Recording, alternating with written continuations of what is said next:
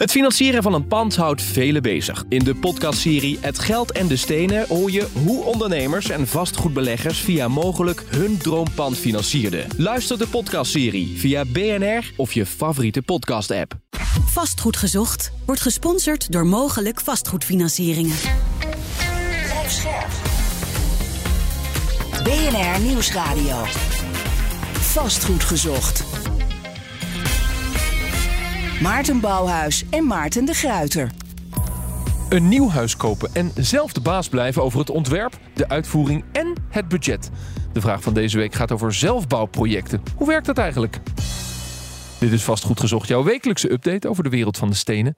Je hoort ons natuurlijk elke maandagavond om 7 uur en altijd online via je eigen podcastplayer of natuurlijk gewoon bnr.nl. Maarten de Gruiter ehm, staat naast mij, zoals elke week. Eh, en het nieuws, Maarten, deze week gaat over een vastgoedsoop in het Twentse Boekelo. Een ondernemer wil een kunstwerk veilen, maar het dorp is tegen. Wat is er gebeurd? Ja, het is zo mooi. Het is natuurlijk, meestal zijn bij ons zijn altijd hele grote verhalen. Hè? De, Ja. de, de huizenprijzen, et cetera. Maar dit is, dit is juist weer heel micro. Maar ik vind het wel een heel mooi verhaal. En Zoals we net al tegen elkaar zeiden, je kunt er gewoon eigenlijk een hele podcast aan wijden, denk ik. Ja, micro. Het is wel een hele spread in het FD. Dit is een hele spread in het FD, Geschreven door Karel Grol, mijn collega. Maar wat heeft hij opgetekend? Nou ja, er is een, eh, een, een meneer die een, een, een appartement heeft achter een hotel in eh Boekelo.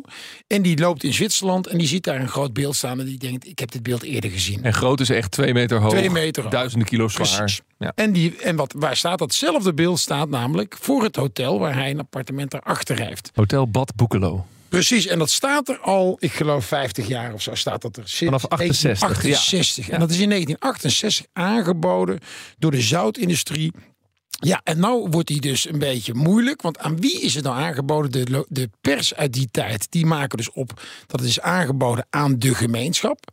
Maar dat staat verder nergens geregistreerd bij de gemeente, et cetera. Maar in juli, eh, in juli afgelopen juli komt deze meneer, die, of die komt terug. En in juli maakt hij een soort van brochure. Want hij vindt het zo mooi dat er zo'n waanzinnig bijzonder beeld staat in Boekelo. Ja, hij- dat is meneer Dekker die dus wandelde in, in Zwitserland. Ja. En die zag dat beeld daar ook. En die denkt, dat ken ik. Nou, dan gaat hij zo wat onderzoek doen. Hij maakt een soort kleine brochure over het beeld. Ja, en dat, die brochure stuurt geeft hij ook aan meneer Brandriet. En meneer Brandriet, dat is een, een, een Twentse vastgoedhandelaar, zoals dat staat in de, in de, FD. En daar stuurt hij hem ook naartoe. En eh, op pagina 25, en dat is waar, eh, ja, waar meneer Brandriet een beetje is op is aangeschoten, staat er eh, dat het eh, hetzelfde beeld eh, twee jaar geleden voor 150.000 euro is geveld. Dus een heel bijzonder beeld. Nou, en dus wat doet meneer Brandriet? Die heeft binnen twee maanden is dat beeld uit de grond getrokken. Op een wagen gezet, naar Parijs gereden. En dat wordt dus binnenkort bij Christie's geveld. Ja, ik vind het een heerlijk verhaal. Want de rest is natuurlijk nu helemaal over de zeik. Want dat beeld is dus nu weg. En nu is dus er een kort geding. Waarin dus de gemeente Enschede, wat nu, waar het inmiddels onder valt. eh, sorry, zeg ik Enschede? Eh, Ja, Enschede, ja, ja, ja. Enschede. Die heeft een zaak aangedaan. Nou ja, meneer Brandriet zegt, het is mijn beeld. Maar dat je dus binnen twee maanden hebt uitgezocht wat het precies allemaal waard is. Christies hebt gebeld op dat ding en niemand wist er ooit vanaf. Ja, het is waarschijnlijk ergens midden in de nacht op een trailer Ja, geladen. zoiets moet het. En die meneer Brandriet is wel interessant. Dan ga je toch even kijken. En eh, ja, dan zie je, kom je wel ook nog een fa- faillissement tegen. Dus ja, misschien is het toch dat hij denkt... ja, die 105.000 euro kan ik eigenlijk wel heel goed gebruiken. Anderzijds is het ook iemand die ooit in het verleden eh, Twente heeft geholpen... om eh Blaise en de Koufo, grote voetballer... topscorer alle tijden van FC Twente, te kunnen halen. Dus het, het, het, is een, het moet een bijzondere man zijn. Het is een bijzondere man. Ja. Maar wat, wat er interessant aan is, is hoe snel die inderdaad het beeld uit de grond heeft getrokken en denkt: ik ga het veilen. Vanuit het idee, het is van mij. En nu is de vraag van wie is het beeld. Maar er is ook een precedent in dit verhaal, vind ik zelf. Er worden wel vaker beelden aangeboden aan de gemeenschap. Ja. Eh, Zeker in het verleden.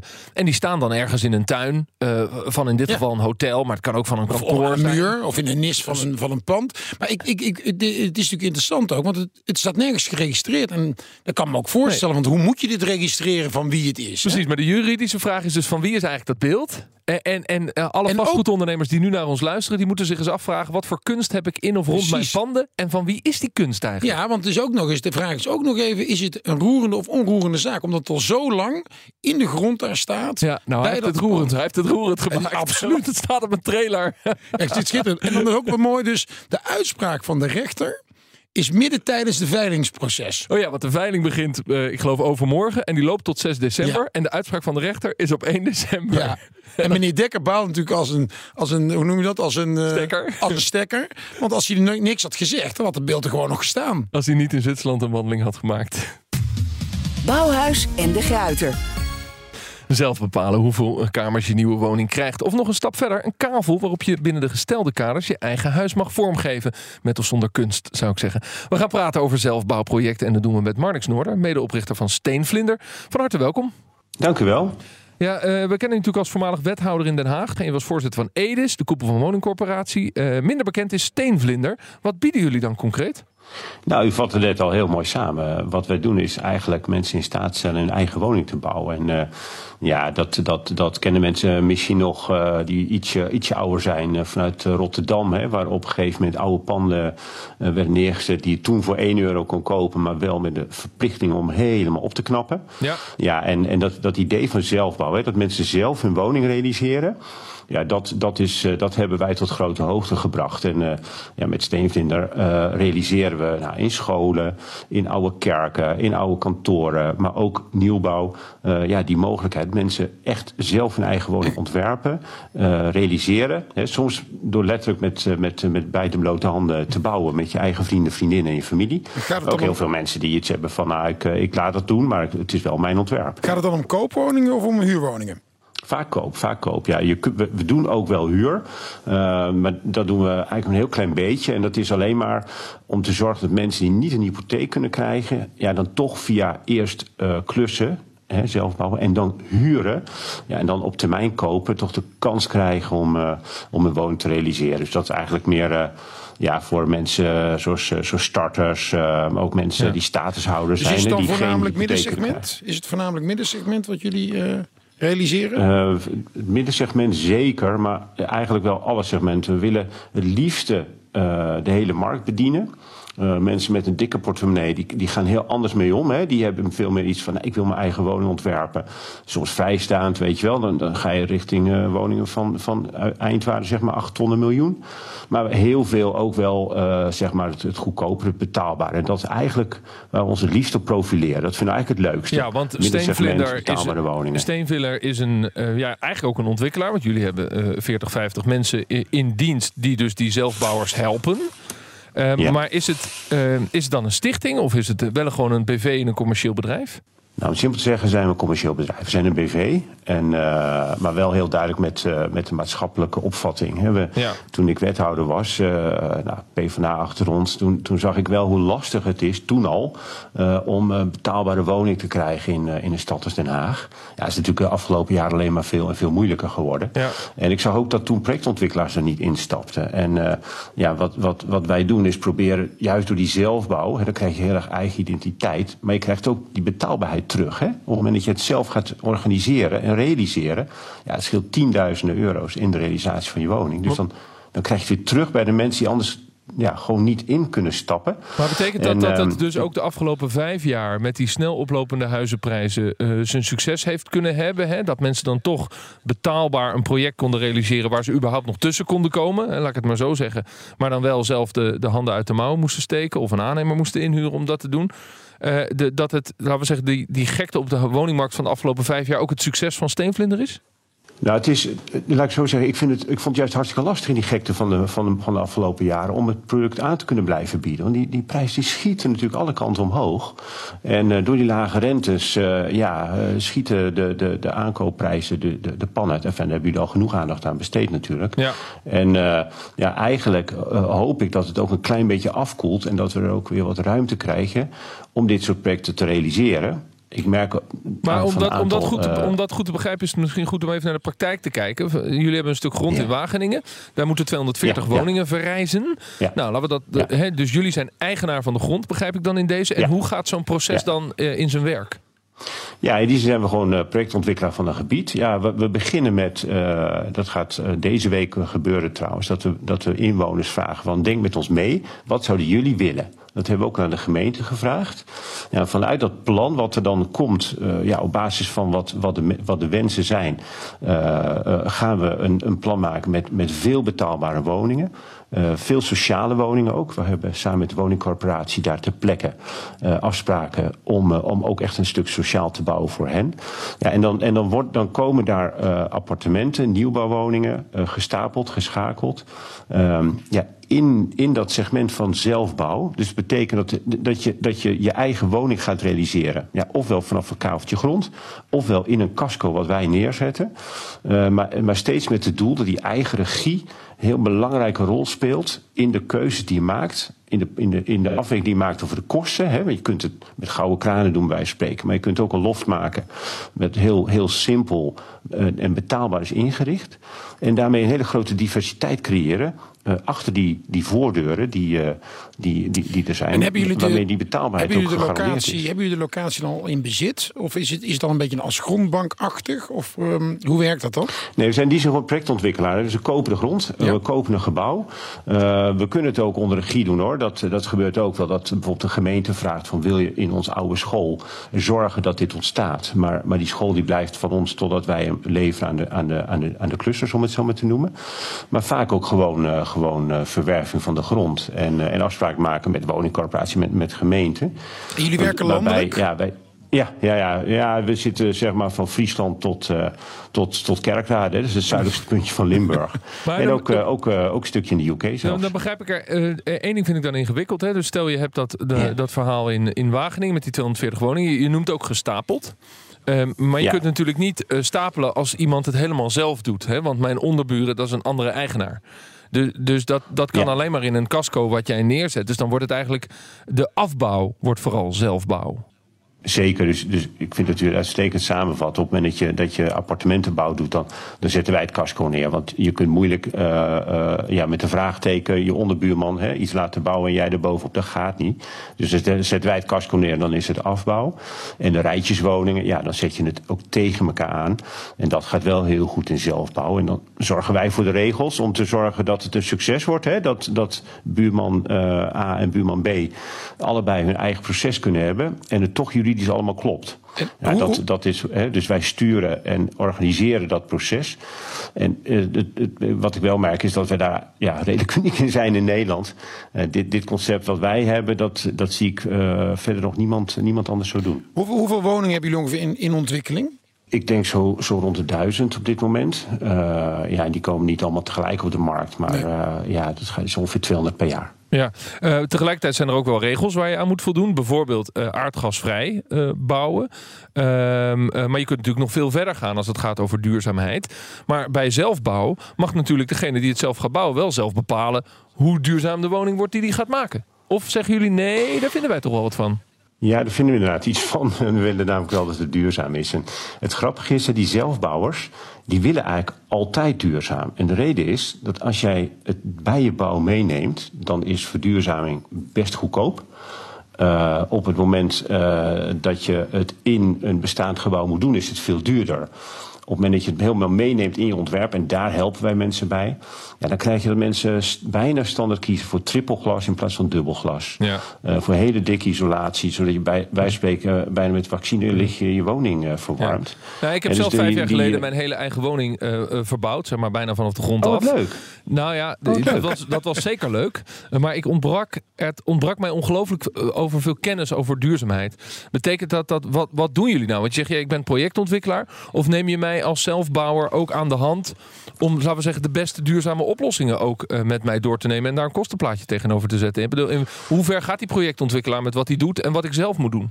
Nou, we gaan er best wel ver in. Als wij een woning hebben verkocht, dan, dan volgt er daarna, want het is dan nooit één woning, het zijn altijd meer, hè, dan gaan we met die groep uh, optanten of, of belangstellenden of kopers, gaan wij vaak eens in de drie weken, eens in de vier weken hebben we een avond.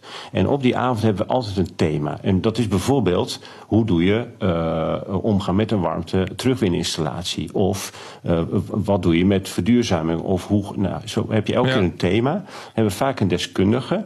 En uh, het, het leuke van zo'n avond is dat we de mensen adviseren Uh, maar tegelijkertijd ook een community laten ontstaan, zodat mensen elkaar gaan adviseren. Oh ja. Mensen kennen elkaar dus al lang voordat ze ergens wonen. Ze kennen de buurman, ze kennen de buurt. Dus je krijgt ook iets van gezamenlijk van: hé, hey, ik heb nog wel een goede uh, uh, constructeur, die kan je wel helpen bij dat en dat vraagstuk wat je hebt. Of in, in kijk eens wat leuk ontwerp ik heb. Dus een soort enthousiasmering krijg je. In de hoop dat dat dan de goede inderdaad. bouwen naar eigen wens dus, een plek in Nederland waar ze dat nog verder hebben doorgevoerd. Want daar willen we het even over hebben, meneer Noorder. Is Oosterwold, dat ligt tussen Almere en Zeewolde. Hier bepaal je niet alleen je eigen woning, maar daar ga je dus ook over de aanleg van het beheer van wegen, paden, groen en de openbare ruimte. Ik ben uh, gebiedsteammanager van uh, Team Oosterwold. Even voorstellen, dit is Sander Berghout. En hij vertelt dat mensen in Oosterwold niet alleen hun woning en kavel moeten inrichten. Maar eh, dat zij ook de omgeving moeten invullen. Dat wil zeggen de ontsluitingsweg, de kavelweg samen inrichten en beheren de publieke ruimte, hè, wat de gemeente anders ook doet met stoepen, buurthuizen enzovoort enzovoort. Maar uh, wat ook heel bijzonder in is, is in uh, Oosterwold is dat je verplicht de helft van je kavel aan stadslandbouw moet uh, doen. En last but not least, dat je samen met elkaar een buurtschap vormt, een gemeenschap vormt. Het is het grootste zelfbouwexperiment van Nederland. En als ze in Almere één ding hebben geleerd, dan is het wel dat zelfregie niet betekent dat je mensen helemaal aan hun lot moet overlaten. Dat is wel de belangrijkste les die we volgens mij hebben geleerd. Eh, naast een heleboel uh, andere. Maar dat je het niet zomaar over kan laten aan, aan mensen zonder ze te betichten van dat ze het niet kunnen.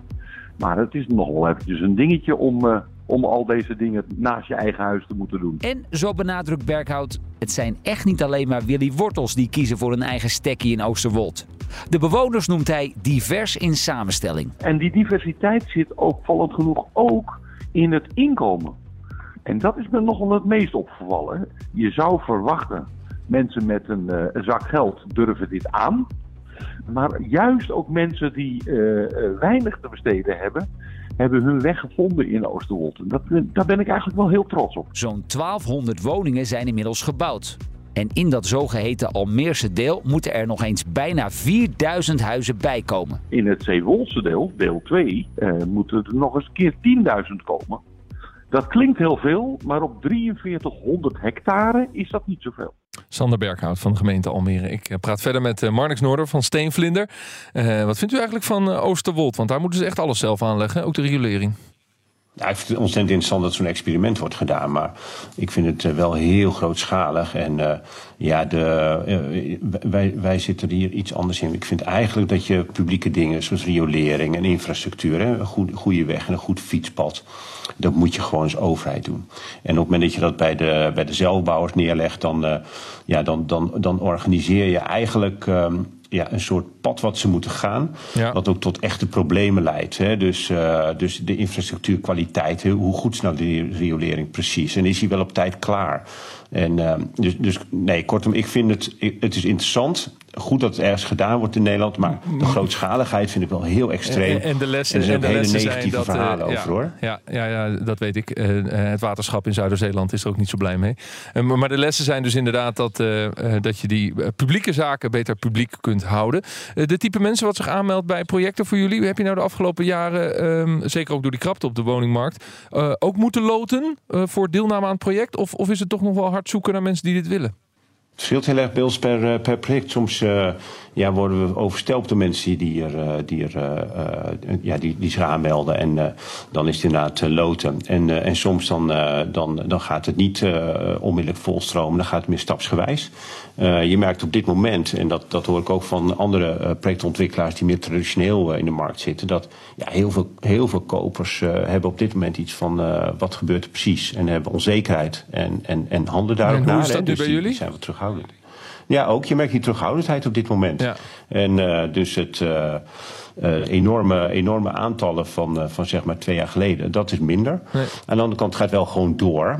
En wat je ook merkt is dat uh, omdat je veel meer zelf regie hebt over de kosten, mensen het toch makkelijker doen. Omdat je, het, ook als je iets minder uh, goed voor de wind gaat, met zelfbouw het redelijk uh, de kosten. Uh, ja, want je kunt bepalen. het een beetje dus sumier, sumier zelf afbouwen. Dat is dan misschien nog niet zo heel zo gezellig, maar dan besluit je om over twee jaar dan een stukje van de afbouw te doen. Maarten, de, een van die klassieke projectontwikkelaars, in jouw woorden, Marnix Noorder, staat naast mij. Nou, Maarten de Gruiter. Wat vind je er eigenlijk van? Ja, nou klassiek. Kijk, ik denk dat is natuurlijk. Het is gewoon een hartstikke mooi businessmodel, uh, Steenvlinder. En, en, en um, uh, ja, de, uh, meneer Noorder heeft natuurlijk ook over, de, over het sociale karakter. Natuurlijk, maar dat, dat is bij ons ook. Wij praten ook met de buurt.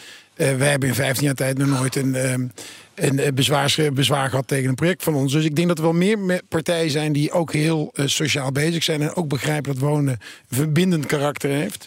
Ja, het, is, het, het, het moeten hele assertieve mensen zijn. Hè? Je, je maakt het zelf, maak je pand af of je bouwt het zelfs helemaal. Het is hartstikke slim, want het is, in die afbouw zitten enorme kosten. En dat overzien vaak, ehm, de, de, de uiteindelijke bewoner overziet dat niet. En kan dat vaak ook heel goedkoop, veel goedkoper zelf. En geeft daar veel meer controle over. Terwijl ja, als ik een woning oplever, ja, dan zit hij toch vaak ergens. Hè, die prijs staat ergens een beetje vast. Ja. En daar is er weinig meer aan te doen. Ja. Dus het is uh, ja, uh, ideeel, uh, maar het is dus ook een heel slim businessmodel, Marnix Noorder. Ja, voor een deel is dat natuurlijk waar. Bij ons uh, moet de schoorsteen ook roken. En ik, ik, zit er niet in voor de winst. Maar ik moet ook gewoon aan het eind van elke maand weer uh, de salarissen betalen. Ja. En de financiers betalen. Dus, dus ja. Um, en die regie over de afbouw, dat, dat werkt in die zin ook heel erg, heel erg goed. Kijk, op het moment dat jij uh, geen geld hebt voor de keuken die jij graag wil hebben, dan kun je ook via Marktplaats gewoon heel simpel een keuken voor 1 euro kopen die je eerst bij iemand uitbouwt ja. en vervolgens bij jezelf inbouwt. En dat soort, dat soort keuzes, ja, die, die worden zoveel makkelijker op het moment dat je die eigen regie hebt over die hele afwerking en inrichting. Ik heb ooit mijn en dat, Symmetric... Dus, dus zit een soort slimheid in, maar ook betrokkenheid. Ja, ja, ik heb ooit mijn Symmetric keuken na vijf jaar verkocht op Marktplaats... en de prijsdaling was verschrikkelijk. Dus maar, daar is een verschrikkelijk, ja, dat geloof ik maar wel. De, overeen, de overeenkomst zal, er, zal toch zijn... dat het moeten toch wel allemaal mensen zijn die handig zijn. Je moet toch wel een bepaalde... Hè, ik bedoel, je moet niet alleen maar nerveus raken van het feit dat je, dat je je keuken moet gaan doen. Nou weet je, er zitten ook heel veel uh, mensen in. En, en om gelijk seksistisch te zijn, uh, heel veel vrouwen zijn daar goed in, die klant bij ons zijn. Om het te organiseren dat er handigheid in je familie of in je omgeving is. Ja. Die het werk ja. vervolgens doet. En, maar dan uh, moet je op zijn minst assertief voor zijn. Hè? Ja, je moet, je moet wel een beetje uit hout gesneden zijn van uh, ik zie meer oplossingen ja. dan problemen. En ik, uh, ik ga er gewoon voor. En uh, niet denken om, om zes ja. uur s'avonds, nou ik wil nou Netflix kijken, maar ook de mouwen opstropen ja. en nog even twee uurtjes doorhalen. Tot, tot slot nog één vraag. jullie, hebben, jullie hebben nu ongeveer 60 projecten gerealiseerd. Er lopen er nog een stuk of 30. Um, um, lukt het om snel te groeien en locaties te vinden? Of zijn gemeentes toch een beetje terughoudend? Nou, we merken de laatste, laatste maanden dat, dat we juist weer meer benaderd worden van partijen, ook gemeentes, die zeggen: uh, kom je ons helpen? Uh, omdat er heel veel vastgoed ook leeg staat, maatschappelijk vastgoed, wat al jaren leeg staat bij ze. Nou, dat, dat, dat uh, trekt ons ook zeer aan, daar zijn we ook goed in. Ja. Um, en de een, enorme concurrentie die was om locaties, die is, dat is weer een goede nieuws van de afgelopen maanden, die is wat weg. Het koelt wat, wat af, dat, dat helpt enorm. En ja, we zijn gegroeid. We hebben nu 60 medewerkers. Ja, dus okay. we zijn een middelgroot bedrijf. Het zo maar zeggen. U, u zegt uh, geen winstoogmerk. Maar je zult toch uh, door winst te maken... toch eigen vermogen moeten opbouwen... om locaties te kunnen kopen. Dat zal toch eigen vermogen ook uh, mee moeten worden genomen? Ja, zo is het ook. Dus een stuk eigen vermogen is noodzakelijk. En uh, uh, we, hebben, we hebben niet zo heel veel eigen vermogen nodig als, als een, een traditionele ontwikkelaar per woning. Omdat je het uh, ja, minder kost hebt voor de realisatie per stuk. Hè? Omdat je nee, het maar die, af, die, die, school, die, school die, die school die u koopt, waar later woningen in komen. Of u die nou koopt of ik, we moeten hetzelfde betalen, hè? min of meer. En dus, dus ook alle twee hetzelfde eigen vermogen meenemen, toch? Ja, klopt. Het is hard werken, dat heeft u helemaal gelijk maar dat doe ik graag. Juist. Uh, dat gezegd hebbende, uh, dank uh, voor tekst en uitleg. En er zijn vast luisteraars enthousiast geworden over zelfbouw. Even naar steenvlinder.nl, denk ik. Hè. Marnix Noorder van Steenvlinder, bedankt voor tekst en uitleg. Maarten de Gruiter, we zijn er uiteraard volgende week weer. Heb je tips voor ons welke verhalen we moeten meenemen? Mail ons dan. Mail de redactie Schagen, dat is de achternaam van John. Schagen.bnr.nl. Voor nu bedankt voor het luisteren. Dag. Vastgoed gezocht wordt gesponsord door Mogelijk vastgoedfinancieringen.